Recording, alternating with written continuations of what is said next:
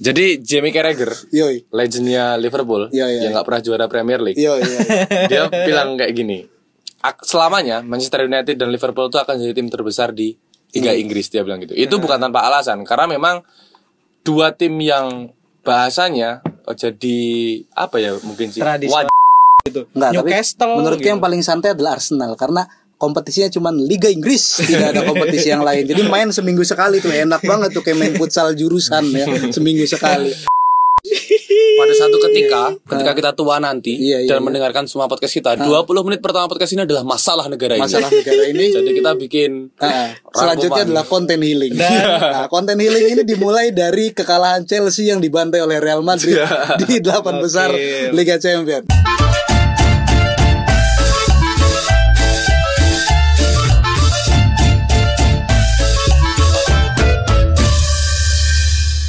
Oke, selamat datang kembali di podcast Oragol episode ke 36. Wes, karena sepak bola bukan hanya tentang gol bersama saya Ikhlas Alfarisi sebagai host dan teman saya yang wah ini pakai kemeja kayak gini kan karyawan, karyawan Rehan Majid, selamat malam. malam. Halo Lats. Apa kabar Han? Alhamdulillah baik. Gimana? Masih ada ini nggak antusiasme mencari takjil ketika Ramadan?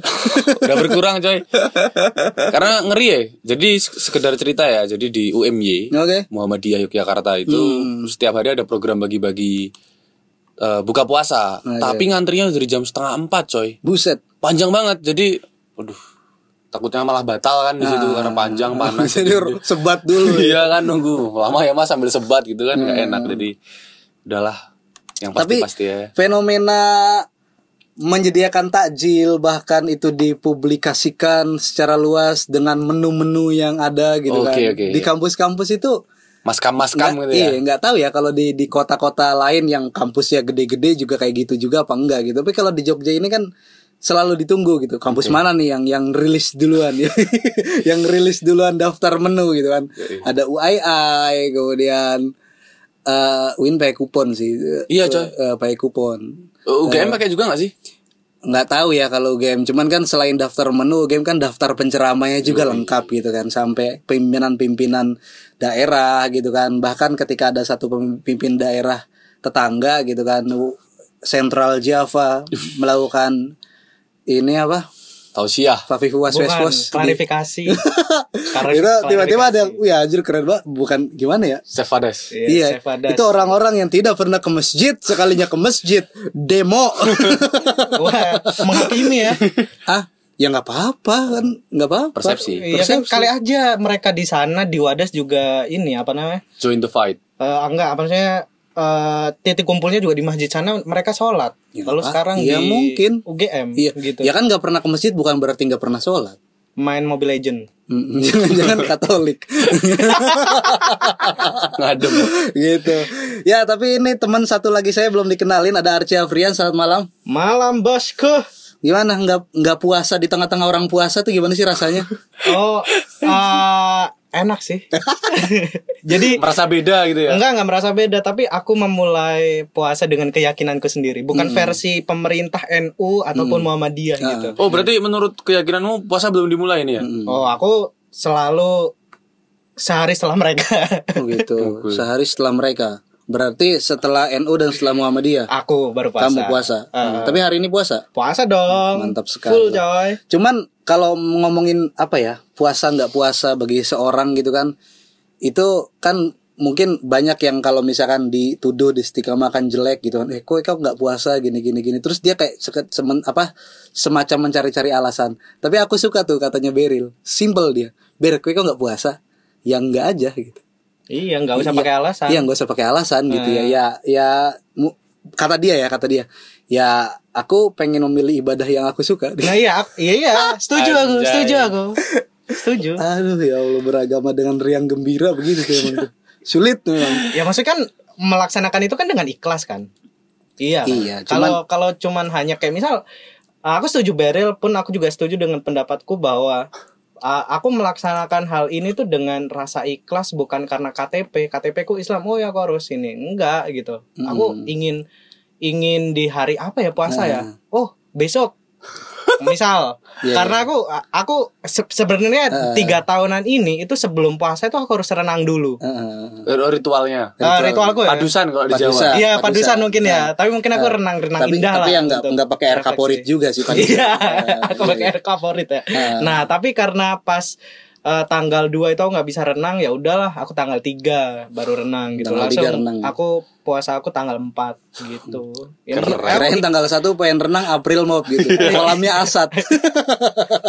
Lagi dikuras Mas ngopo ya arep dan, dan aku betul-betul teguh gitu. Oh, out baru tanggal 4 nih puasa ya udah. Eh tanggal 3 udah. gitu. Ah, Iya iya iya iya iya. Jadi aku merasakan puasa itu bener-bener oh puasa atas kehendakku sendiri gitu. Iya iya iya be ya ya Aku Jogja. setuju, untuk setuju. Jogja ya. Bukan Depok kota yang menurut setara institut paling tidak toleran. Menurut setara institut gitu. Tapi ya kita nggak tahu di apa namanya di lapangan kayak gimana. Tapi kalau di Jogja ini Sewon kan miniatur Ubud ya. Jadi kemarin tuh aku apa namanya ke sini berdua itu bareng Fahri teman Oke. kita kan. Nah mampir warung dulu ris gitu. Sekalian beli rokok. Oh iya poesnya itu setengah lima kan. Jadi aku juga rokokku habis. Jadi pas Persiapan. pas buka itu biar Ada ya rokok. sekalian ada takjil gitu kan. Nah dia itu eh apa namanya beli rokok dan tidak puasa tentu langsung dibuka dong rokoknya. Merokok di sepanjang jalan gitu. Maksudnya Wih santai banget ya. Iya. Ini kan ubud Ubud Lawless ya. Sekali ya Masing-masing punya keyakinan dan prinsip sendiri-sendiri Kalau saya mah ya Kalau siap beragama ya Ada pranatanya gitu kan Ada ini ini Ada Nah, seperangkat sebenarnya aturan sebenarnya kan sama ketika aturan. lu ngerokok di jalan itu kan sebenarnya ada peranatanya. Ya. Iya, nggak boleh dong. Boleh dong. Lah iya sama kayak gitu. Lu punya keyakinan tuh boleh kan? Heeh. Berarti juga aku punya keyakinan boleh dalam agama. Iya, lu iya. dalam hal susila mungkin. Iya iya iya Ya, untung nggak kejepret sama SJW lu difotoin lu. Lah bodo amat Nah iya aku juga gitu bodo amat ketika aku di di foto itu wih, orang Nggak, aku, orang aku gitu. hanya hanya mengutip ekspresi orang yang ya ya sul- sulit ya. Tapi Yang aduh. penting nggak ini eh lu ngikut aku dong puasa tanggal segini ya yang penting kan nggak kayak gitu kan Tidak mengajak orang lain Heeh. sesat gitu ya. Sesat gak itu tapi enggak ya?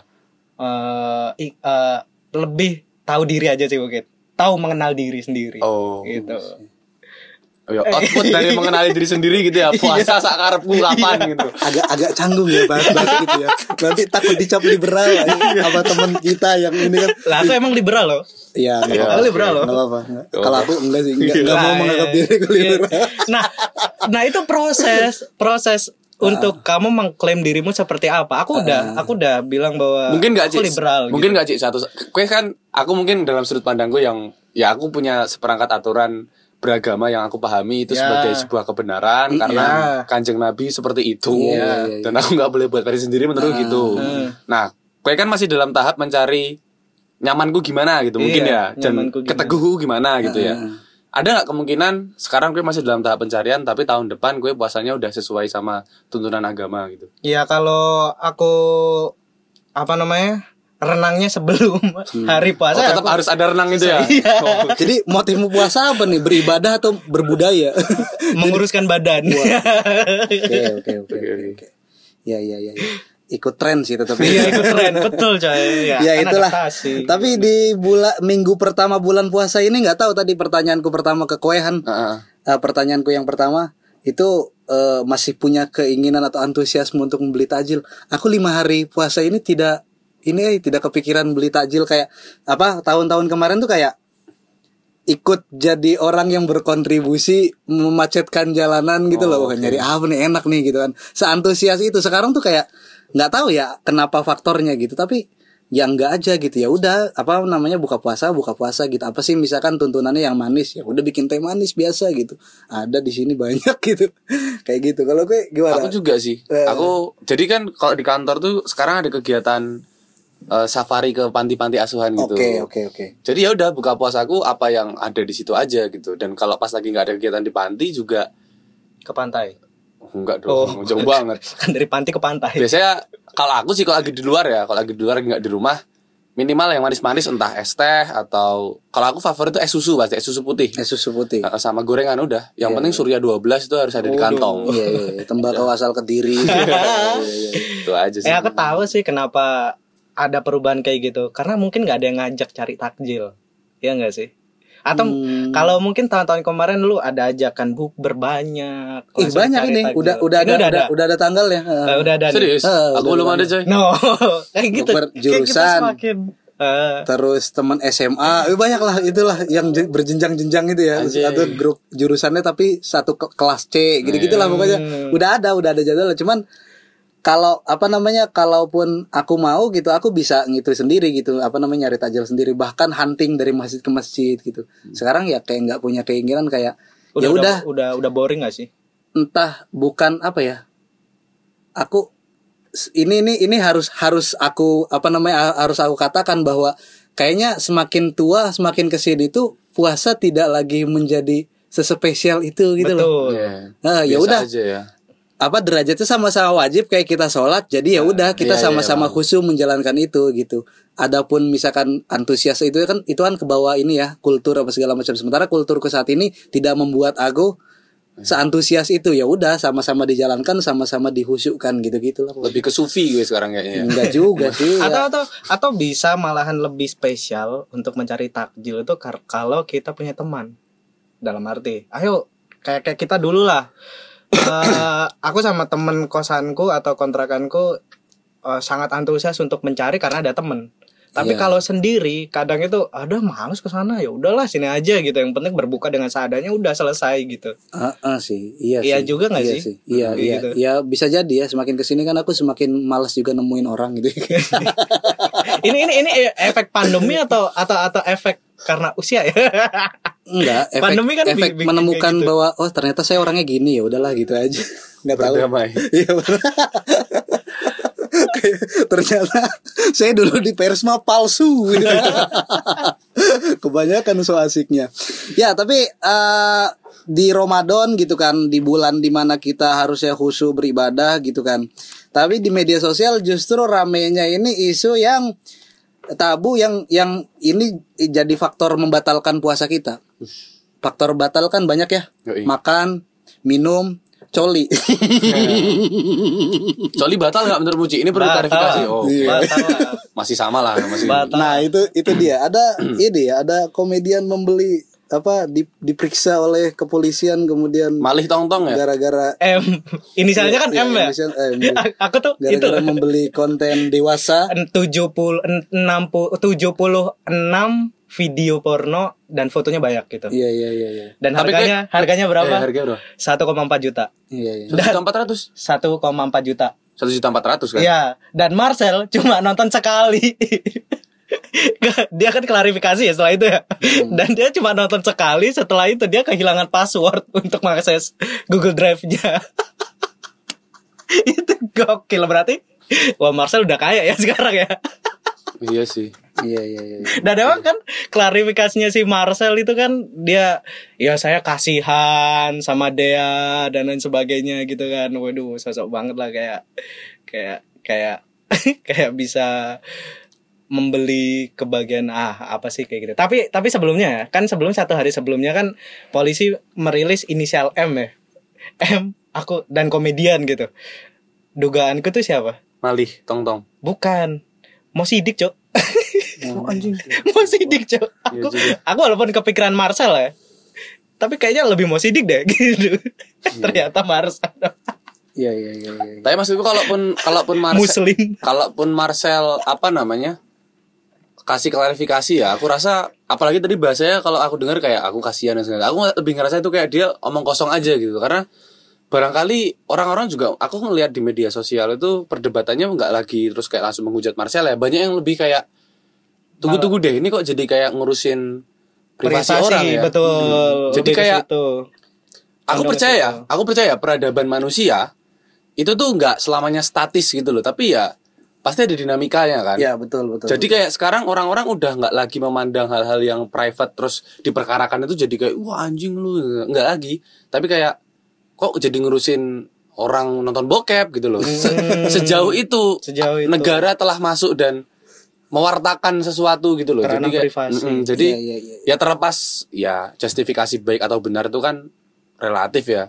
Baik baik menurut siapa, benar menurut siapa. Tapi aku dalam beberapa hal sepakat gitu. Kalau sampai orang nonton bokep aja udah di gitu-gituin tuh, aduh kayak nggak make sense aja gitu. Sedangkan lebih banyak kasus yang lebih urgent lebih lah ya. urgent dan lebih make sense untuk jadi obrolan nasional gitu loh. Kenapa minyak goreng masih mahal? Iya, iya. Hmm. Pertamax mahal. Yoi. Semakin ma- semakin ini ya, semakin memperlihatkan bahwa kita kan sering ngomongin polisi ya. Jadi kalau ada perkara-perkara lapor ke dukun saja gitu ya. eh, eh, tapi tunggu tuh kronologi ya kayak misal pornografi nih ya. Pornografi itu yang paling nggak make sense ditangkap itu adalah Ariel dulu. Itu pertama nggak make sense. Iya, iya. Itu kayak ibaratnya itu kaget gitu uji kan. coba undang-undang pornografi gitulah. Iya kan? Ariel ditangkap. Lalu si Sky itu make sense Mm-mm. Karena karena dia eh, mengumbar di, di publik gitu eh, ya. di publik dan itu juga di tempat punya negara kan, NJIA gitu kan. Oh iya, Bu. YIA, Iya, di- iya. kan punya negara kayak gitu. Dan bukan, itu make bukan sense. punya warga temon. Bukan dong. Oh, kirain. Kirain. Eh, diambil alih oleh diambil negara alih oleh negara atas nama pembangunan. atas nama pembangunan Iya, gitu. lanjut, lanjut, lanjut. Itu make sense, iya kan? Make sense. Dan Dea ini nggak make sense menurutku. Dia anugerah soalnya cuma nulis doang kan, masa dia Dea only fans. Oh, salah. itu nggak make sense karena dia nggak ikut nggak ikut apa namanya mengupload di luar di luar apa OnlyFans kan? Untuk kalangan terbatas gitu ya, untuk kalangan sendiri. dan itu emang ada platform gitu loh. Tapi OnlyFans itu sebetulnya emang buat apa namanya jual beli bokep atau sebetulnya enggak. itu? aku aku pakai private apa private. Kalau di Indonesia kan OnlyFans itu kan kena internet positif ya. Jadi nggak bisa. Kalau nggak kita pakai VPN atau pakai private eh, Chrome kayak gitulah. Itu bisa ngakses. Lalu sebelum kita bisa kita daftar nih. Setelah daftar sebelum kita mau ngelihat konten itu kita harus ini dulu loh nyetor kayak misal nyetor tagihan dulu loh.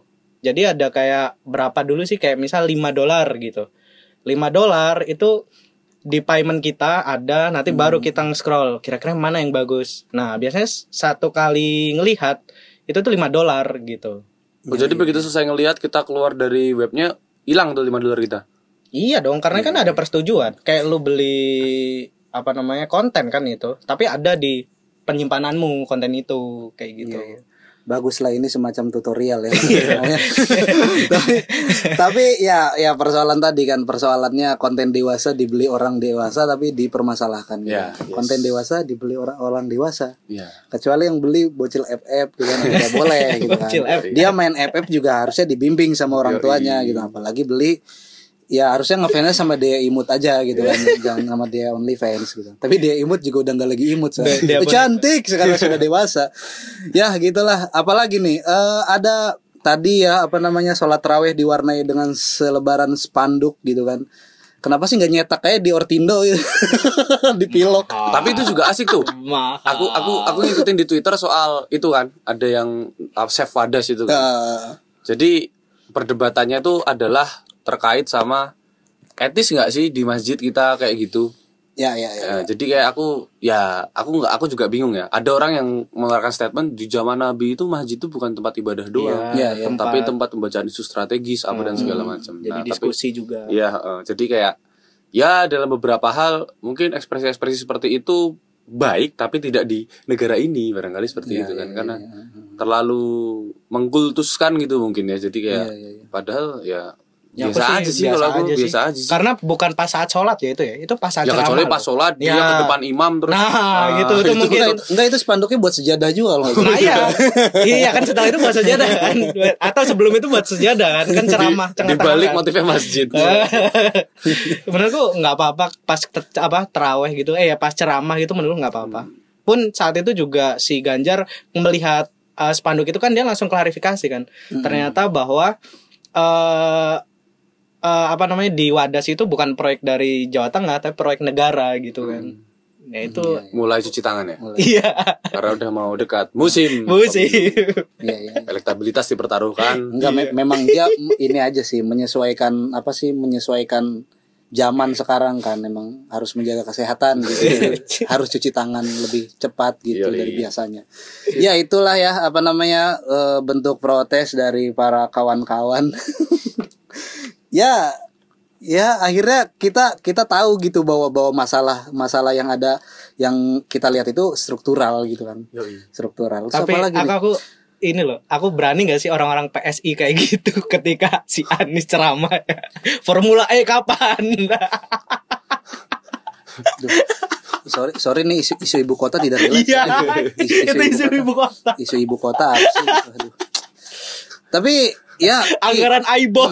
ki- kita fokus sama Jogja juga karena Oh, iya, Jogja, itu Jogja kan aja ya. Jogja itu kan kota yang memang memang nggak apa namanya mungkin nggak se nggak semenarik kota-kota lainnya yang misalkan jadi kota industri kayak Surabaya atau Jakarta Semarang. tempat iya, Semarang Jogja itu kan kota yang sangat ambigu kalau kata Gusmu itu kan dia dia ad, mangku semua hal yang Iya. termasuk bandit-bandit yang ada di Gedung Iya. kuning.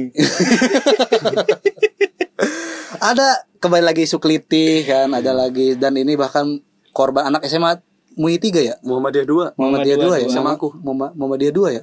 Pi grup-grupan MUI do Wah, Papi, Nah ini ini ini aku agak agak agak bingung ya. Maksudnya ya ya aku nggak bilang aku aktif dalam geng-gengan ya. Tapi ya se- ya aku pernah apa namanya terlibat dalam dunia seperti itu. Mm-mm. dan menurutku aku kemarin juga bahas bokep yang yang apa namanya yang expert dia ya. Ini kayak bahas-bahas geng-gengan ada Rehan Majid di sini. enggak enggak expert. pengamat aja ya pengamat Pengamat. jadi kalau dulu modelnya itu ada beberapa pranata juga Pranata. yang tidak boleh dilanggar gitu Ya, ya, jadi kayak semisalnya kita bahasanya mubeng ya mubeng muter Muber. Eh, misalnya nyari musuh gitu ya Mm. Kalau kita ngelihat itu ya budaya rekso remokso zaman saman hudi itu ya. Mungkin.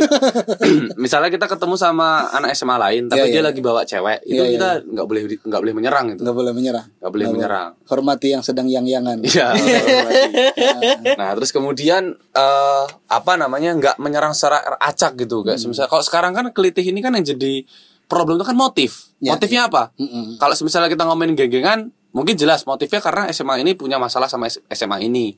Ad- lagi ada event futsal atau basket atau apa terus ada bentrokan supporter. Jadi lebih kayak ya bisa dilihat motifnya apa siapa pelakunya siapa sasarannya. Jadi mudah dipetakan dan problem solvingnya juga kita bisa ya ketemukan kepala sekolahnya orang tuanya dipanggil mungkin selesai. Nah ini problemnya sekarang kelitih. Yang motifnya pun nggak jelas. Dia muter mengatasnamakan siapa hmm. sekolahnya kah kampungnya kah tongkrongannya kah atau dirinya sendiri kah Tongkrongan kami. nah terus yang diserang ini Enggak juga itu Jakarta itu ada, ada lagu sendiri kalau di Nah, yang diserang siapa? Yang diserang juga random banget. Yang yang terakhir yang di Badran, pada ngeliat gak di Twitter? Oh ya Badran ha, Nah, ada Ba- lagi. Badran tuh kan salah satu kampung yang cukup disegani di Jogja ya, kampungnya Iya, iya, almarhum Ganjek ya. ya ya, ya. Hmm.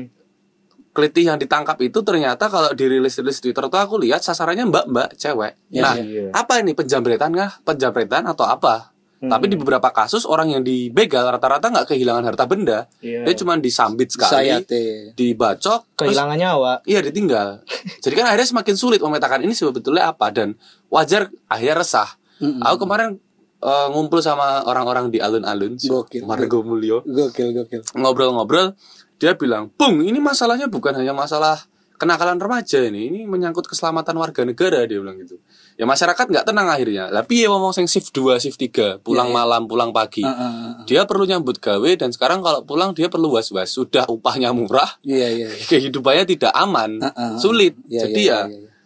wajar ketika tadi si Arci apa bilang pemerintah daerah tiba-tiba daerah atau kota tadi Ci, yang Jok, jadi iya. jadi iya kan Hmm, DIY. menghapus kata kelitih itu ya. menghapus kata Ah. politik. ya apa substansinya emang dengan menghilangkan kata-kata itu kemudian selesai masalahnya Itu itu perkara branding sih. Karena kan Jogja kota kelitih kan sekarang Iya, naik terus. mm. terus akhir- akhirnya digeser ke mana? Ke tawuran, Iya, ke penjambretan. jambretan. Ya, padahal kalau kita telik orang, apa yang kehilangan dari korban? Nggak ada harta Iya, iya, benda. iya. Kalau tawuran, blok mana dan blok mana yang Iya, tempuh? Nggak ada. Itu itu random Jawa aja. Barat banget tuh. korbannya. Tawuran Mm. subuh-subuh. ya, ya, ya. ya tapi berarti ini kalau menurutku itu eh me, me- apa sih namanya mem, me- menghilangkan stigma satu kota maju itu indikatornya adalah kriminalitas kriminalitas tinggi. Kota maju kan UMR-nya tinggi kayak Karawang gitu segala macam gitu kan. Tapi di UMR rendah pun bisa ada kriminalitas yang cukup tinggi ya gitu kan kayak. Nah justru semakin meningkatkan itu. Waduh. Ketika upahnya murah itu ya semakin ya gitulah. Itu ya lah. Karena ini sekarang podcast bola mungkin eh, kita nggak perdalam. sekarang eh, caranya Pemkot Jogja itu atau DIY ya semua itu ada pasang CCTV. Tapi padahal CCTV ini itu adalah untuk tilang elektronik. Tilang Iya elektronik. dan itu dimanfaatkan juga untuk Iya, melihat iya. lalu lintas dan sekitarnya kayak Hmm. gitu. Ini sih bikin kendaraan umum men. Jadi Iya, enak tuh. Itu, Jadi itu kendaraan yang- umum kan rame-rame tuh. Jadi menghindari saya men- menghindari kelitih tapi tidak menghindari pencopetan ya. masalah baru timbul. Masalah baru timbul. Eh ya. mending copet sih daripada kelitih. Copet tahu coy. Ya, gitulah banyak masalah, banyak keresahan, banyak ketakutan yang mulai menyasar kita padahal kita lagi pengen tenang-tenangnya ya Iya. di bulan puasa. Ya, ya kita udah tahu sebenarnya caranya apa untuk menenangkan diri. Sepak bola.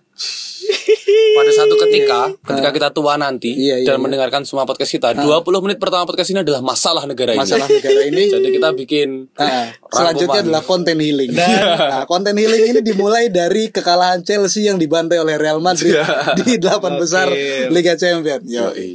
Jadi Chelsea yang di apa namanya dibilang akan menang gitu kan akan mampu melawan Real Madrid. Real Madrid juga bisnis tapa kan dibantai gitu kan El Clasico.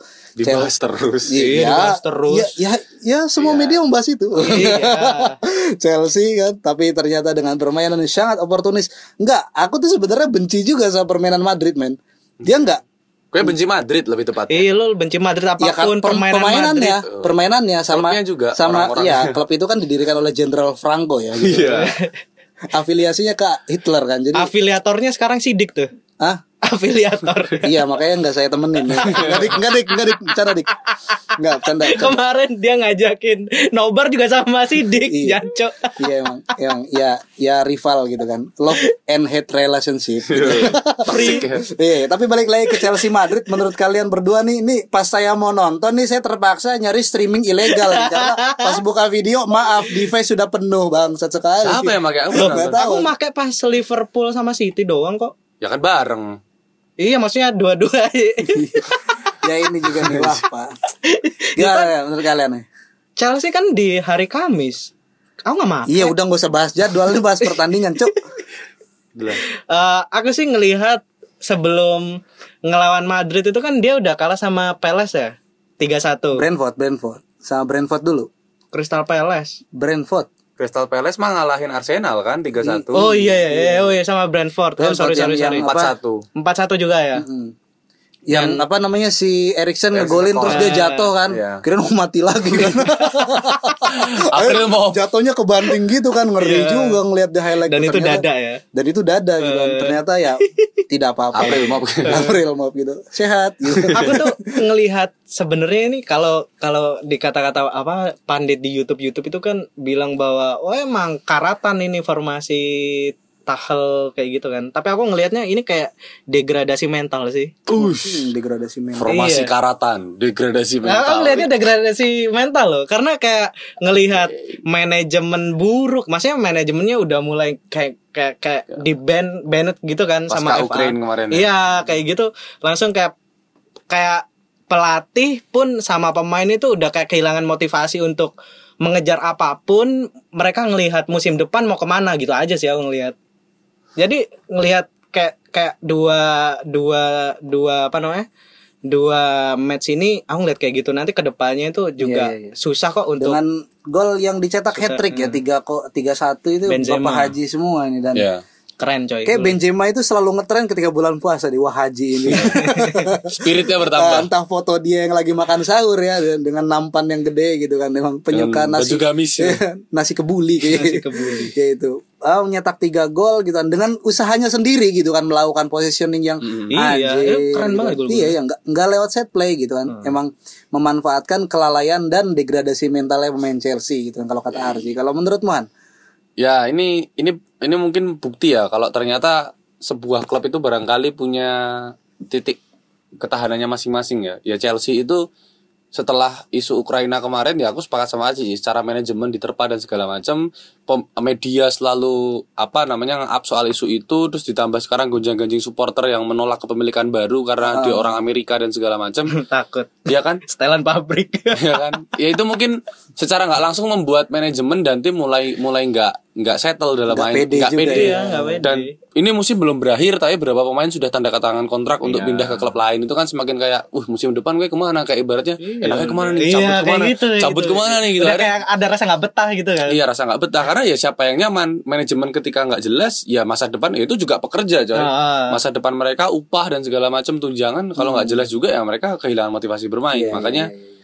eh, aku nggak tahu ya apakah ini eh, jadi apa namanya main reason dari kondisi Chelsea hari ini atau emang tadi soal formasi yang karatan. Kalau katanya Faris tadi di off air bilang batasan-batasan Tuchel udah mulai kelihatan ini Eh, permainan Chelsea akan sulit berkembang ketika justru mereka ketika menguasai banyak bola kayak Iya gitu iya iya iya. Nah, tapi kalau aku sih ngelihat yang kemarin Benzema tetap nggak bisa kita lepaskan dari kredit yang besar ya. Mm-mm. Hat trick, man of Dua the sih, match. dua sih Benzema sama Vinicius Ya oke, ya Be- Benzema dan Vinicius. Tapi khusus Benzema dia hat trick, dia man of the match dan performa yang seperti itu cukup membuat Tuchel after match dia bilang sepertinya kita nggak perlu banyak membicarakan soal leg kedua seakan-akan menandakan ya leg kedua nanti udah udah sangat sulit apalagi di Santiago Bernabeu.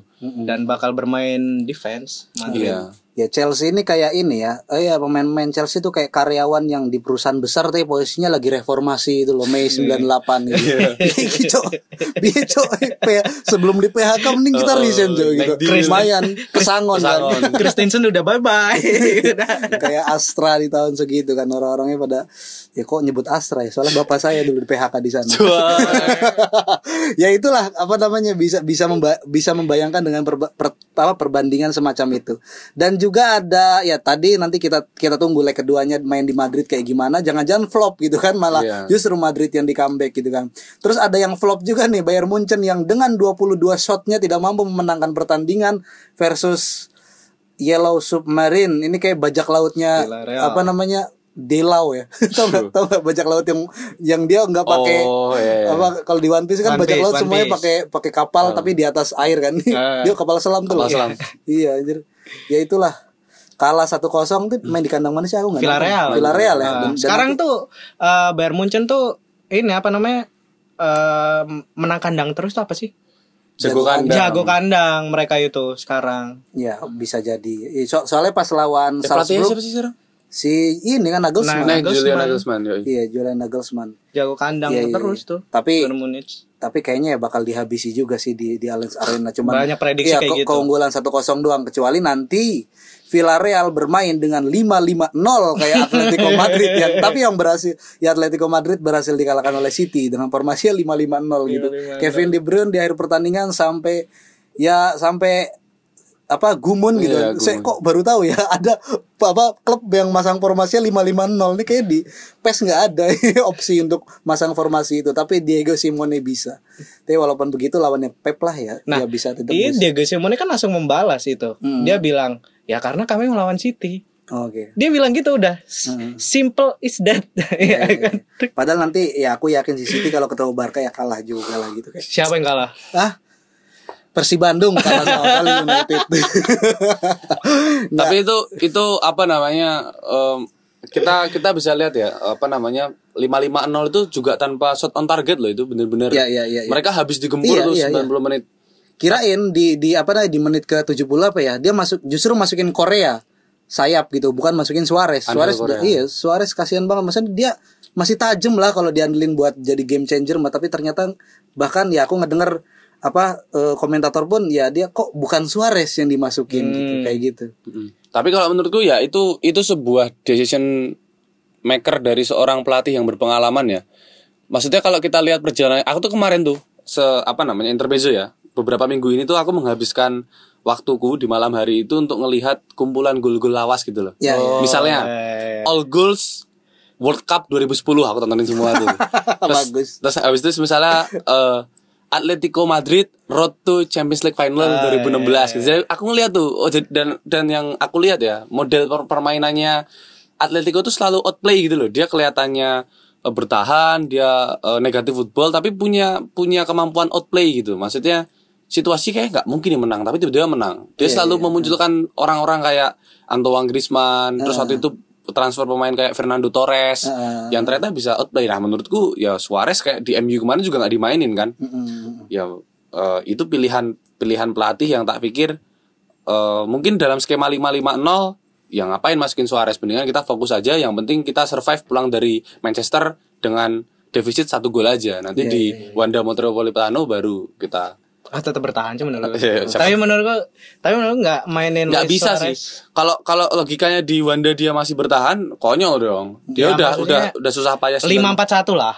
Iya kan. Iya. Tapi melihat pertandingan itu tuh aku ngelihat kayak anjir. Ini Kevin De Bruyne atau atau kesebelasan Manchester City nih kalau main di ya di sepak bola era 80-an gitu kayaknya ini semua ya 70 kosong kayak Ya, gitu. bisa, Soalnya bisa, eh. apa ya standar standar yang diterapkan di per- apa di di tim itu tuh tinggi banget kayak Pep punya peraturan 6 detik.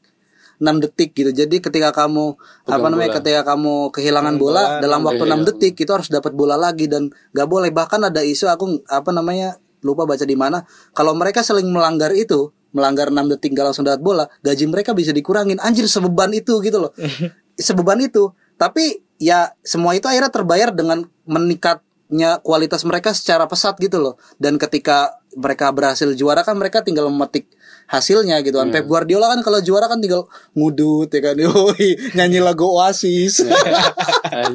Pep Guardiola tuh. Tapi dia ketika musim baru berjalan dia bukan orang yang mudah puas gitu ya. Iya. dan ya pantas final sih aku pantas final Liga Champions kayaknya dengan permainan permainan Lu standar kira-kira, gitu. lu kira-kira kalau misalnya City final sama siapa? Bayern Munchen lah Iya, Liverpool lah. Ya bisa jadi karena Liverpool juga berhasil mempermalukan Benfica di kandangnya Benfica Ya dengan tiga satu. Studio Dalus ya Ah, Estadio Dalus dan tampil seorang Luis Diaz mantan pemain Liga Portugal juga di ya, Porto, Porto. Ini ini ini ini intermezzo ya lucunya ya. Luis Diaz tuh gini, kan si apa namanya Jurgen Klopp kan eh, diwawancarai. Eh, pernah nggak minta informasi dari Luis Diaz tentang taktik dari Benfica gitu? Oh iya, dia jelasin selama empat menit, tapi saya tidak mengerti apa pun. Itu pertama. Lalu ya ketika gol ketiga Liverpool Luis Diaz, iya kan? Dia itu berlari malah ke arah penontonnya Benfica, coy Iya iya iya. di, di- Ngebenter. iya Dibenter, itu iya. entah dia bego atau dia apa Sengaja. atau sengaja Dibenter. langsung kan itu apa Untung penontonnya di- Benfica bukan ya nggak tahu ya dia ya nggak nggak nggak tersulut gitu. ya. dilempar coy dilempar Dilempar, Bu? dilempar Oh, gitu. lalu si Henderson narik udah udah udah wes gue jadi gini goblok Ederson Benfica ya dulu ya enggak si Ya, dia Luis. Diaz kan dari Porto Ah. ya ya Henderson ngelerai Oh biar di- Henderson. Iya Henderson. Aku dengernya Ederson kok makanya Ederson itu sampai Henderson. Liverpool. Kirain dia ngebenternya ngebenter Klopp. Kurang ngerti, kurang ngerti toh. Iki Weh, lho. aku lo, ngene lo maksudnya, kurang ngerti, kurang ngerti we. Pak tua Jerman, Pak tua Jerman. Karena Luis Diaz tuh bego loh kayak mana-mana awal di Liverpool dia dia Karena dia gini ya, bego loh. karena Luis Diaz ini setauku awal karirnya itu bermula dari tim-tim apa namanya ma- suku-suku adat gitu loh. Serius coy. Tarkam. Ini bukan Tarkam ya? Bukan, Tar- bukan. Tar suku Jadi adat. jadi di jadi di Amerika Selatan ya Iya, kan? iya, Kolombia. Kolombia dia. Ya di Amerika Latin itu ada kompetisi semacam Copa Amerika tapi khusus suku-suku gitu loh. Indigenous Cup gitu Iya, mungkin. iya, ya. iya, Jadi suku-suku ada di apa Kolombia dikumpulin salah satunya Luis Diaz. Iya, iya. Dan di turnamen itu dia kalau nggak salah top skor. Nah, setelah itu dia masuk akademi mana gitu habis itu ke Porto dan sampai Iya, iya, sekarang kelihatan sih mukanya Latin tapi tradisional gitu. ya. yang bawa tombak gitu. Anjing rasis aja. ya, nggak apa-apa. Iya, ya kaya. Ya kan Iya. kita kan membayangkan gitu ya gitulah. Ya, ya nggak tahu. Apa Archie sebagai fans Liverpool ngedukung Aku dua sih. ngedukung Liverpool untuk sampai final. Kalau aku kan ngedukungnya Barcelona kan. Ya Iya, Barcelona iya. final yang beda itu di final kasta kedua gitu kan karena di pertandingan semalam gitu ini berhasil seri gitu kan di kandangnya Frankfurt dengan tekanan yang lumayan Masif, gitu coy. anjir Masif banget. menurut gue gila. sepak bola tradisional Jerman Frankfurt tuh Gila Sparta. iya apa permainan cepat permainan tanpa kompromi kalau perlu main fisik main fisik gitu dan itu wah itu bener-bener mematikan kreativitas pemain Barca untung bisa bisa dicetak gol apa namanya penyama kedudukan gitu kan Siapa tuh? Eh, Ferran Ferran Torres Torres. Kalau di Liga Inggris yang yang apa tradisional banget ya? Ah, ah, ah. Itu dulu siapa? Kalau nggak Stock City, Stock City tapi kan di nggak di Liga 1 ya. Iya, emang iya. Ini Crystal Palace. Sama. gitu ya. Iya, fisik Kick yang and rush, Iya, emang- fisik emang, masih. sulit sih kalau sudut pandang yang menganggap sepak bola sebagai seni dan sepak bola sebagai gelut dan sepak bola sebagai olahraga gitu. Beda gitu. Kalau di Spanyol kata lu aja sepak bola ekspresi seni gitu. kan. Jadi sebaik mungkin Bu, sepak bola Kerusak kerusuk. Rusak gerusuk gitu loh. Wah bola Anjir Pedri di tackle diinjek kakinya sampai sepatunya copot ki pi- pi- gimana ceritanya gitu. Sena seni sena seni tempo Tempo, le. bal-balan nyena nyeni ngelukis wae kono Ini sepak bola untuk rakyat, bukan seni, untuk sen- seni. Seni juga Eh. untuk rakyat. Iya lah ya. sepak bola untuk supporter biar senang gitu kan. Justru supporter dia senang ada permainan yang indah. Enggak dong, menang. Menang supporter senang. Menang sextuple emang itu bukan itu kan dihasilkan dari permainan yang sangat indah. Iya. Tidak permainan gerasak gerusuk. Eh, Inter Sextuple. Milan tanpa indah pun menang. Tapi baru treble tidak sextuple. Iya oke. Itulah ya. Tapi ya kalau kalau aku boleh milih pertandingan apa menghi, paling menghibur Persikum ya pas minggu ini pekan ini itu adalah Atalanta versus RB Leipzig ya. Karena kalau kamu nonton ya highlight tonton deh highlightnya itu tuh sangat pertandingan yang sangat mencerminkan perdagangan men. Nah, kok bisa? jual beli serangan. Asu. bener tuh tanpa tawar menawar tanpa tawar menawar dan itu tidak apa negosiasinya deadlock gitu kan. Tawar menawarnya deadlock dan ya skornya Imbang. hanya satu sama gitu kan. Itu keren sih maksudnya eh, satu sama lain saling ngepres satu sama lain ketika dapat bola itu coba apa namanya bangun serangan dari back gitu kan dua-duanya kayak gitu dan ya anjir keren coy Makanya gini, Riz. Makanya gini, kalau menurutku ya Champions League itu great, keren Iya, dia. iya, iya, iya. Cuman dalam beberapa hal aku nggak menikmati Liga Champions. Sekalipun ada MU ya di situ ya. Udah nggak ada. Iya. Ini ini ini bukan biar nggak dianggap ini apa namanya gara-gara nggak ada MU bilang kayak gitu nggak gitu. Champions League itu keren, cuman dalam beberapa hal kadang aku malah nggak nggak greget nontonnya. Karena Eh. ya oke lah. Kenapa sih tim-tim Liga Champions 8 besar itu itu aja? Ya mungkin itu tim-tim yang mampu menjaga kelas dan apa ya Performa. performanya ya. Oke, tapi sebagai penikmat sepak bola, aku kadang ngerasa monoton akhirnya. Tiap tahun Liverpool, Chelsea, Madrid, Barcelona itu itu terus. Jadi kayak Hmm. ah ya capek kadang. Nggak nggak variatif gitu. Jadi ketika ada tim-tim kayak Villarreal yang bisa kayak gini aku malah berharap dia bisa sampai final bahkan juara. Karena satu musim yang berbeda itu menurutku bakal memorable gitu loh. Jadi Iya, wah, anjing gitu. betul sih. nah beda ceritanya sama tadi kayak Faris. Bisa cerita tentang dunia kasta kedua. Eh. Leipzig ketemu Atalanta, Barcelona yang pernah sextuple bisa melawat ke Galatasaray, bisa melawat ke Frankfurt. itu kan cerita yang nggak biasa juga dan itu menyenangkan menurutku. Ngelihat tim sekelas Barcelona dibuat kewalahan dengan tradisional Jerman football, itu kan cerita yang berbeda juga gitu loh. Jadi aku menikmati. Eh kau kau kau itu kena sindrom ini loh. Gue lihat sama apa kemarin tuh? David Goliath Nah, lu kena itu sindrom bukan emang David itu, emang Goliath itu sindrom Iya bisa jadi kayak gini. Oh, Dia mengharapkan eh, sesuatu yang muncul dari hal-hal yang kecil jadi apa? iya, karena aku nggak suka gitu. yang yang apa ya? Yang Ci, udah ya? yang mapan yang Goliath gitu-gitu, gitu. yang Iya, iya, iya. itu itu doang gitu loh. Nah, Jadi bahkan ya makanya ke- kemarin aku bilang ini sekali lagi bukan pembenaran ya. Ketika pun nanti MU main di Conference League liga yang warna hijau ketika itu, warnanya hijau lagi ya ya barangkali hijau kemiskinan barangkali aku nggak akan semenyesal itu tontonan yang menarik sama kayak kasusnya dulu aku ngobrol sama Alip Alip or, uh, Akar Bola dia bilang ketika nanti tuntutannya apa namanya PSS soal Arthur dan Mar apa? Dejan Dejan, Dejan out itu harus dibalas dengan kita balik ke Liga 2 aku nggak masalah. Justru malah aku bisa mengikuti timku away ke Blitar eh, away ke itu apa? apa Biak away ke mana? Away ke kota?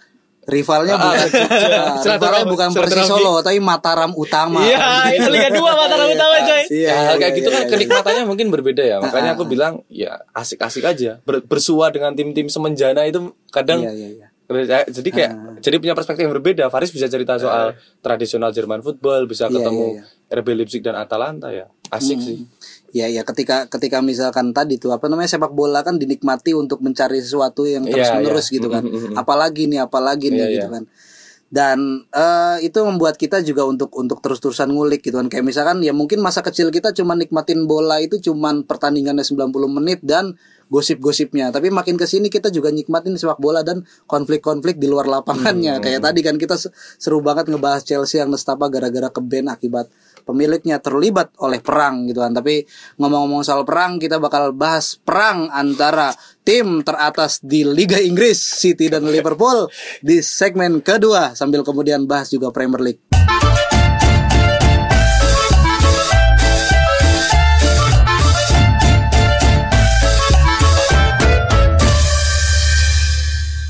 Oke, selamat datang kembali di podcast Oragol yang tidak pernah berhenti. Amin. Amin.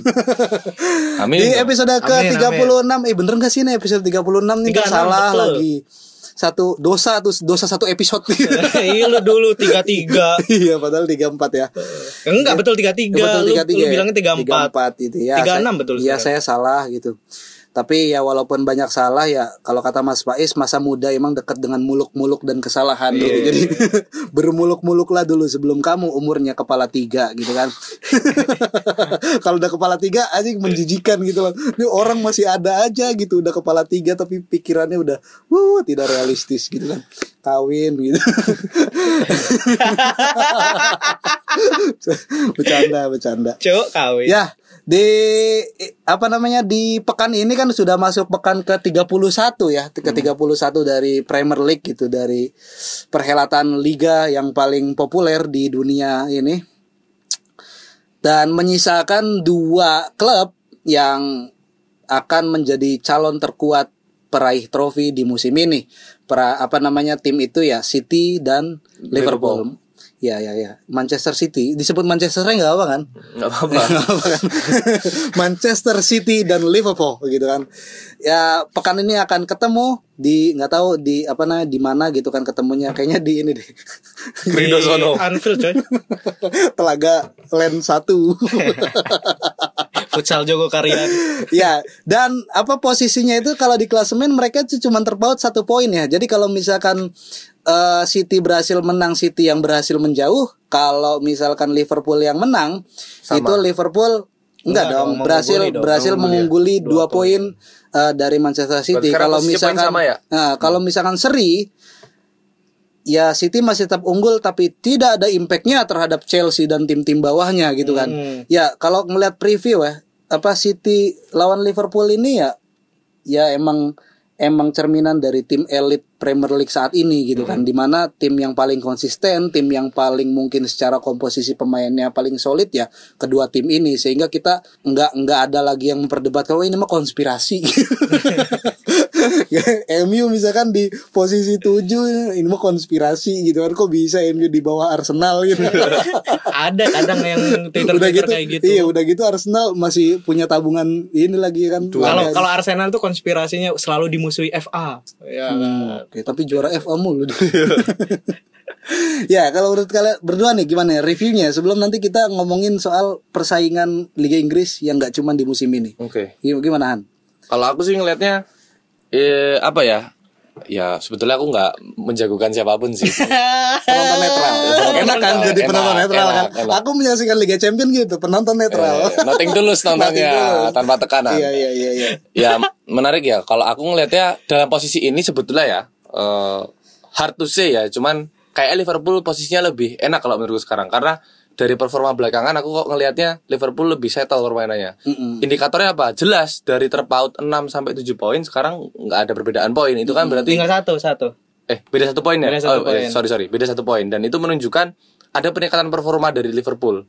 Dan City yang punya kans dari awal-awal kemarin untuk semakin menjauh justru imbang lah kalah lah yang yang menunjukkan berarti ada semacam yang kita nggak bisa bilang itu inkonsisten tapi barangkali pas lagi keseleo aja mungkin jadi kalau aku sih ngelihatnya ini bakal jadi apa namanya sebuah pertunjukan ya apakah permainan atraktif ala Pep itu bakal tetap ampuh ya dengan direct play-nya eh, Liverpool karena ya seperti kita lihat kemarin Luis Diaz ternyata klubnya cepet banget ya kayak pelatihnya ya. Klopp Ya, klub. klubnya cepet banget dengan dengan Gaya skema permainan. permainannya Liverpool dan Faris tadi udah berani ngomong kalau apa namanya ya Klopp kayaknya sudah mulai menyusun penggantinya Firmansyah, Firmino, Mane dan Salah. Jan- nanti gantinya apa tuh? Ya nggak tahu Dias Lo, dan Dias, Jota, nah pinggirnya tuh yang belum. Nah, itulah. Jadi in- intinya eh, Dia nggak peduli sih. kalau semisalnya Liverpool musim ini bisa juara Liga Inggris, itu jadi satu jembatan yang baik untuk Klopp dan manajemennya apa menghubungkan antara Liverpool era 2018 kita hitung dari juara Liga Champion dengan era baru mungkin kayak gitu. Jadi Iya karena secara manajemen Liverpool bebal ya. Untung ada Klopp gitu kan. Iya, Pelit sekali gitu kan. Uh kalau Klopp itu yang punya klubnya Abramovich misalnya, uh gila. Uh, udah. Uh. uh. Nah, tapi terakhir sih, terakhir ya. Itu tadi itu menarik itu. Kita bahas soal manajemen. Kalau Liverpool terkenal manajemennya pelit, sama aja kayak manajemennya MU sebetulnya. Ya. Enggak manajemen MU tuh goblok. Bukan pelit coy. Iya ya goblok sih. Iya, ya, Enggak enggak enggak goblok juga sih, Riz. Beberapa kali sebetulnya ya itu kelihatan goblok karena sebetulnya beberapa kali pembelian yang dilakukan itu tidak sesuai dengan keinginan pelatih gitu. Iya iya iya. Eh goblok apa namanya? Iya, ya pelit juga dong. Hah? Pelit dong. Pelit membagi apa ya? Pelit membagi eh, ini apa pengaruh gitu. Iya, iya. Jadi kalau menurutku untung Kerenan, kerenan Haji Umul. Jadi untung si klub ini di situasi klub yang pelit dia masih bisa membeli pemain-pemain yang mungkin lebih murah, pemain-pemain yang mungkin nggak begitu ini, cuman bisa di create jadi pemain bagus. Ya cap, Tim Cahil. Tim Cahil. Mark Viduka. Mark Viduka. ya lanjut gimana gimana sih ya, pendukung Liverpool yang kayaknya nih optimis buat dapat juara lagi bisa kayak ini Liverpool juara lagi musim ini gitu kan. Aku eh, klarifikasi dulu ya. Aku pendukung dua tim loh. Ya dua tim ini loh. City juga lalu Liverpool juga. Makanya ketika kamu ngelihat video itu penuh karena aku ngelihat dari dua device. Ya ya ya. ya. ketika mereka dua tim ini bermain kayak gitu. Oh ya Europa League ada di video ya? Iya, emang. Loh, Europa League kan dia sendiri bisa. Enggak kan City sama Liverpool kan main di jam yang sama. Iya, jam yang sama. Cuman City lawan ini di- dia nonton dua-duanya. Emang Eh, eh, kalau menurutku sih eh, ini malahan jadi eh, apa ya laga tra lag- eh, kayak gini lah ada kayak misal Atalanta sama RB Leipzig adalah jual beli serangan gitu tapi apakah bisa dilihat nggak sih itu jual beli taktik taktiknya apa namanya berarti ada komoditas lain. da- Iya, taktiknya kelihatan serangan. kayak kayak kayak kayak banyak pandit yang bilang bahwa permainan Chelsea uh, versus Liverpool di final Piala Karabau. Carabao itu kan itu sangat bagus kan. Mm-mm. Mereka jual beli serangan pun juga jual beli taktik. Gimana sih taktik itu bisa saling Taktiknya fluid ya. Setiap berapa menit kalau deadlock mungkin kita bisa melihat rotasi pemainnya Nah, ganti, kayak gitu gitu-gitu. Dan nanti di aku prediksi nanti di laga City sama Liverpool juga akan kayak gitu gitu loh. Walaupun nanti bakal banyak lebih berhati-hati ya. Dan aku takutkan adalah nanti malah jatuhnya imbang. Iya iya iya. Ya. Ngomongin soal hati-hati atau di atau enggak, aku sih ngelihatnya nggak tahu ya.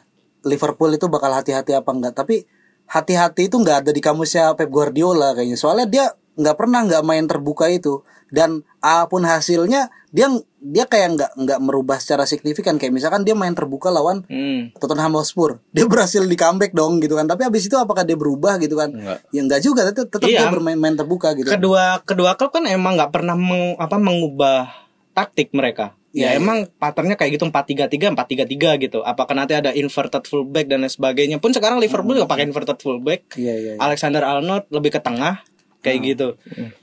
Eh, aku bilang bahwa laga ini besok ini bakal back to back loh kayak gitu. Back to back itu nanti tanggal 10 April ini Premier League.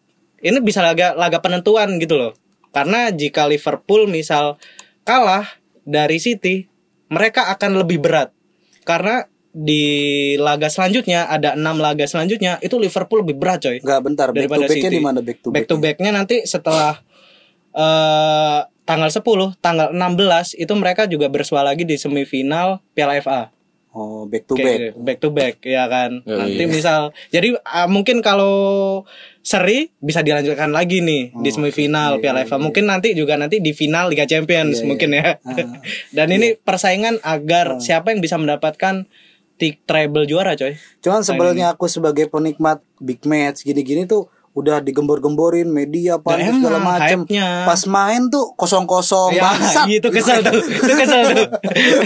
apa ini gitu Anti kan klimak ya. Heeh, kayak kita udah berteori-teori ternyata Iya, di betul. prank sama Oda Sensei kan bangsat juga nih One Piece nih. Selesai kayak cepet-cepetan gitu. Ya gitu ya, tapi ya Liga Inggris memang nggak pernah Ini- habis gitu eh, kan. Tapi ini nih intermezzo. Odds untuk yang odds itu ini apa namanya? Eh, judi. Eh, peluang judi. Peluang judi di Inggris itu siapa yang bakal jadi pre- juara Premier League? City tuh lebih diunggulkan satu per dua loh, setengah Hmm. loh. Liverpool satu per 13 Mm, mm, mm. Lalu Chelsea satu per 500 Berarti nggak mungkin ya. Iya sih. Emang Ya, menarik menarik. MU bro MU. MU nggak ada anjing MU MU. Ya, MU itu bakal Eh, ini kalau apa namanya? MU predi- prediksinya kalau misalnya kita ngomongin judi apa taruhannya dia pasti nanti lawan klubnya Witan Sulaiman. Enggak Kalau kalau Senika. Kalau MU, Arsenal sama FK Spurs itu Senika. prediksi ini masuk empat besar. Hmm. Saya bakal masuk empat besar dan yang lebih diunggulkan adalah Spurs. Karena ya dilihat lagi dari match ke depannya. Kayak misal eh, City sama Liverpool match ke depan itu paling santai tuh City loh. Liverpool masih ada ngada- ngadapin MU, Everton, Spurs gitu. Enggak, tapi Newcastle. menurutku gitu. yang paling santai adalah Arsenal karena kompetisinya cuma Liga Inggris, tidak ada kompetisi yang lain. Jadi main seminggu sekali tuh enak banget tuh kayak main futsal jurusan ya, seminggu sekali. Ya, yang nggak nggak pernah habis ceritanya Liga Inggris ini karena memang Liga Inggris ini adalah transformasi dari kompetisi domestik Inggris yang sebenarnya awalnya itu jadi apa namanya kompetisi paling gembel bisa dibilang gitu ya. Dibanding kompetisi liga-liga domestik lain dibanding Italia, Spanyol, Jerman ini paling gembel di era 80-an sampai 90-an tapi eh, di tahun apa namanya lap- 80-an gitu kayak kayak melihat wah ini kok liga kita secara liga kurang menarik ya. Mungkin secara tim gitu kan kita mena- menarik. Tapi kan apa namanya nggak nggak nggak punya daya daya daya Dobrak. dobrak nggak punya daya pasar yang luas gitu Daya kan jual. bahkan sampai timur jauh itu susah dulu kita hampir menjajah sepertiga bumi gitu kan kenapa apa produk kebudayaan kita sepak bola tidak bisa gitu kan Amin. padahal semua negara sudah bermain sepak bola sekarang gitu kan Amin. begitu jadi akhirnya di tahun 90-an itu tim apa namanya banyak eh, klub Inggris yang mentransformasi bisnis dengan menerapkan prinsip-prinsip komersial pada administrasi klub untuk memaksimalkan pendapatan. Intinya ada transformasi di soal eh, industrialisasi, pengelolaan, Pengelolaan lah. gitu kan. Tapi kali ini kan yang di antara kita bertiga kan yang penikmat Liga Inggris kan kalian berdua ya. Itu tuh gimana sih? Maksudnya pe, apa namanya sejarah atau persaingan gitu kan ngomongin persaingan setelah setelah ini kan setelah transformasi gitu dari Liga Inggris doang nggak tahu dulu namanya apa ya kemudian jadi English Premier League Liga Primer yo Hmm, Barclays. Ya ya itu kan sponsornya Iya, gitu. sponsor kayak. Dunhill Iya, gitu, kayak Carabao. Kara Karabau, Kayak Indomilk, ya, Indomilk Arena. gitu, gitu kan. Ya gitu Bego. nama sponsor, tapi ya sampai sekarang juga walaupun Barclays itu udah nggak udah nggak ada, ini spellnya bener gak sih? Barclay. Barclay itu udah nggak ada ya sekarang ini apa pakai apa sih sekarang? Nggak ada. Sponsornya nggak ada Premier League sponsornya. ya. Eh, English Premier League gitu. English doang. Premier League gitu ya. Itu Udah mandiri. itu apa persaingannya cukup punya cerita sampai-sampai cuma di Liga, Liga Inggris doang yang ada istilah Big Four, Big Six, ya Big Mom ada. Big Mom. itu nggak kejadian gitu, nggak kejadian di Itali misalkan di Itali walaupun ada tim-tim yang yang jago gitu kan kayak dari Inter Milan, AC Milan, Juventus, Roma, Lazio, Fiorentina tapi nggak ada tuh eh, kasta-kasta kayak gitu di diferensiasi kayak gitu apalagi di Liga Spanyol Liga Spanyol tuh ya kesukuan gitu kan wah tim basket Iya. wah tim Valencia tim Madrid tim ini tim ini gitu Katalunya sebut aja nggak Aku apa. aku sih boleh mengklaim bahwa penyebutan kayak gitu-gitu berasal dari media loh. Dan media Inggris itu paling lebay. Walaupun di Italia juga ada La Gazzetta itu juga lebay kan. Marka juga lebay. Marka juga lebay, tapi nggak selebay dari Inggris loh. Inggris tuh banyak banget loh. The Sun. Manchester Evening News. Lalu Liverpool Echo, Everton Evening News, kayak gitu tuh lebay banget dan mereka mudah untuk menciptakan. Nah hebatnya mungkin ya itu mudah karena kita juga udah semua bahasa Inggris ya, maksudnya udah bahasa internasional ya. Mereka mudah menciptakan istilah. Kayak misal di tahun 2000 gini aja lah sebelum Big Four eh atau setelah itu di tahun 2010 Piala Dunia eh Piala Dunia 2010 Iya. Afrika Selatan. Afrika Selatan. Itu kan ada isi English, Slovenia, lalu Iran sama Yang, Yang atau Amerika Serikat gitu. Yankee. Yankee gitu kan. Isi grup yang paling mudah gitu lah istilahnya gitu. Tapi ternyata nggak sampai grup kan. Iya. Maksudnya nggak sampai lolos grup kan gitu. Maksudnya media Inggris itu yang paling sering banyak menginstalahkan itu dari Iya iya iya. tapi kalau aku bisa runut dari sejarahku sendiri ya, aku ngelihat itu kemakmuran Inggris tuh sebenarnya malah dibawa Manchester United loh di era-era Premier League ya. Liga Inggris dianugerahi tim semacam Manchester United Manchester yang United, mampu. nah, apalagi ketika dia treble winner di tahun berapa tuh 99. 98, Nah, itu itu itu itu 899 2008 tuh treble nggak itu sih? 2008 double winner. double. Nah, itu treble kan terakhir Liga Inggris apa Pak, Satu-satunya. eh, Tim Inggris. tim Inggris kan Satu-satunya, nah, satu-satunya. ya Oke, satu-satunya. Santai santai santai. Ya, salah ngomong Dan setelah itu, setelah itu dikenal, lalu oh iya ada tim ya dari Inggris ternyata yang hebat. Lalu muncullah sosok Roman Abramovich. Mereka dia ngambil pelatih dari Italia, Claudio Ranieri. Dia ngambil pemam- pemain-pemain dari Italia yang saat itu di Serie A lagi bagus-bagusnya, Shevchenko, Crespo. Iya iya. Ya, itu kan. Ini Jadi apa bagus jadi gitu. kayak semacam ini ya apa namanya kita kayak ngelihat satu kolam kolamnya dikasih bibit gitu kan Hmm. Terus- terus ternyata kita ngelihat wah ada bibit yang jadi jadi ikan gede banget ayo ah aku juga pengen Invest yuk. naruh invest gitu akhirnya ya tadi eh, banyak akhirnya investor-investor yang makin ke sini makin banyak terbaru ada apa pangeran ini ya Siahaan eh ada pangeran Salman bin siapa sih namanya tuh Salmut. Rodrigo. Ya itulah Rodrigo. put- putra mahkotanya Arab Saudi yang membeli Newcastle United gitu kan untuk Oh, iya. katanya sih dia bakal mendobrak big setelah ada big four kan big six gitu Iya, kan nah sekarang dia mungkin benar- big seven. big Big seven, Seven. Magnificent Nah, the Seven. Magnificent Oh, Seven apa? Magnificent Seven. Magnificent Seven mungkin Iya, ini deh nanti. mungkin ya cuman ya apa City dengan dana Dubai-nya itu kan butuh waktu 8 tahun Nih kita lihat dana Arab Saudi seperti apa Dua tahun. Dua tahun beneran dah. dua tahun ya mungkin bisa jadi Kalau halal 100% Dan mungkin kalau 2 tahun bisa. nah, kalau menurut Muhan gitu kan, ini kan ada di fase tim yang kamu dukung adalah tim yang ya tidak bisa diharapkan untuk meraih trofi. Sedang introspeksi aja Nah, sedang inspirasi. tapi Evaluasi. tapi kan tadi kan apa Cuci nyambung muka, nyambung dari gigi. nyambung dari Archie kan apa liga liga Inggris nih Premier League nih di, dianugerahi tim se, se, se- sebesar Manchester United gitu The kan. greatest of English football. Ya, the greatest of English football kan. Oh, let it the win. nah, dia nih mampu bukan hanya apa namanya mem- mem- membesarkan si timnya tapi juga akhirnya membuat orang-orang yang tadinya nggak suka MU akhirnya peduli bahkan cinta sama MU Hmm. yang dia tuh bahkan saking cintanya itu ya nge apa namanya nge quote tweet pertanyaan yang tidak ada hubungannya dengan jawaban Manchester United gitu kan di timeline muncul bangsat apaan ini? Segitunya Apa- apa gitu emang? cinta matinya. Nggak relate ya? Nggak relate, cuman Rehan yang relate. Gimana anda? Jadi Jamie Carragher, yoi. legendnya Liverpool, Iya, iya, yang nggak pernah juara Premier League, yoi yoi. dia bilang kayak gini. "Ak- Selamanya Manchester United dan Liverpool itu akan jadi tim terbesar di Liga Inggris dia bilang gitu. Itu bukan tanpa alasan karena memang dua tim yang bahasanya oh, jadi apa ya mungkin sih wajah wajah dari liga uh, sepak bola modern Liga Inggris itu ya Liverpool dan uh, Manchester United barangkali seperti itu. Atau era yang berbeda. Maksudnya kan sebelum Premier League Liverpool ah, berjaya, iya, iya, benar, benar, setelah benar. Premier League Mm-mm. City. Eh City. Eh, MU. Sorry sorry United ya. Ya, kayak gitu. Jadi selamanya mereka akan jadi dua klub yang besar kayak gitu. Tapi terlepas dari semua itu, aku sepakat sama tadi Arci bilang ya, dan kue tadi Riz bilang soal kolam yang ada bibitnya. Dan kita bisa melihat pasca itu ya petanya berubah. Kita pernah bahas beberapa tahun yang lalu soal bagaimana sirkulasi modal itu mempengaruhi wajah sepak bola. Ya di Inggris sama. Kita dulu nggak akan pernah mendengar nama-nama seperti Chelsea, terus kemudian Tottenham Hotspur gitu-gitu. yang untuk- sampai ke timur jauh ya nama itu populernya ya.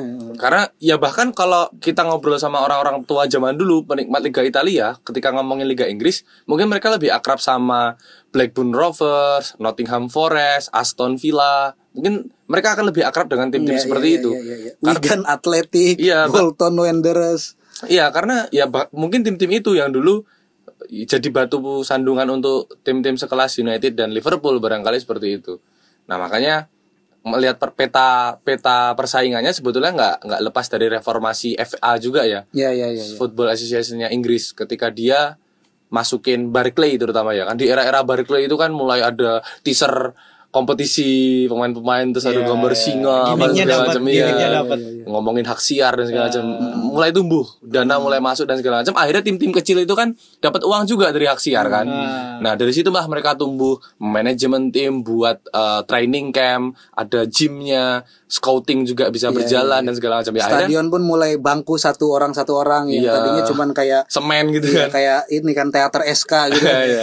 Makanya itu loh reformasi apa namanya kompetisi itu akhirnya membuahkan sesuatu jangka panjang. Ya tim-tim kecilnya akhirnya kecipratan uang juga. Ya meskipun kalau lebih jauh kita ulik seberapa besar sih tim-tim kecil itu kecipratan uang ya mungkin nggak besar. Tapi selama bertahun-tahun itu terjadi ya mereka bisa tumbuh dan peta persaingan Liga Inggris semakin Iya, iya.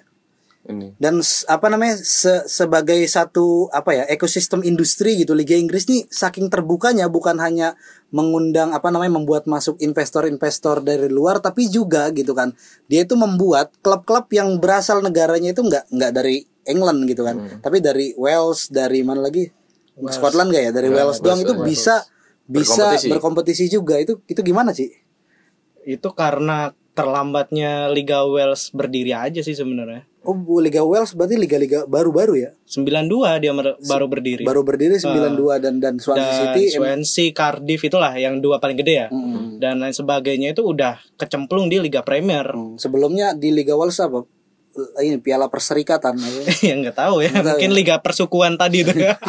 di Wales, Wales ya.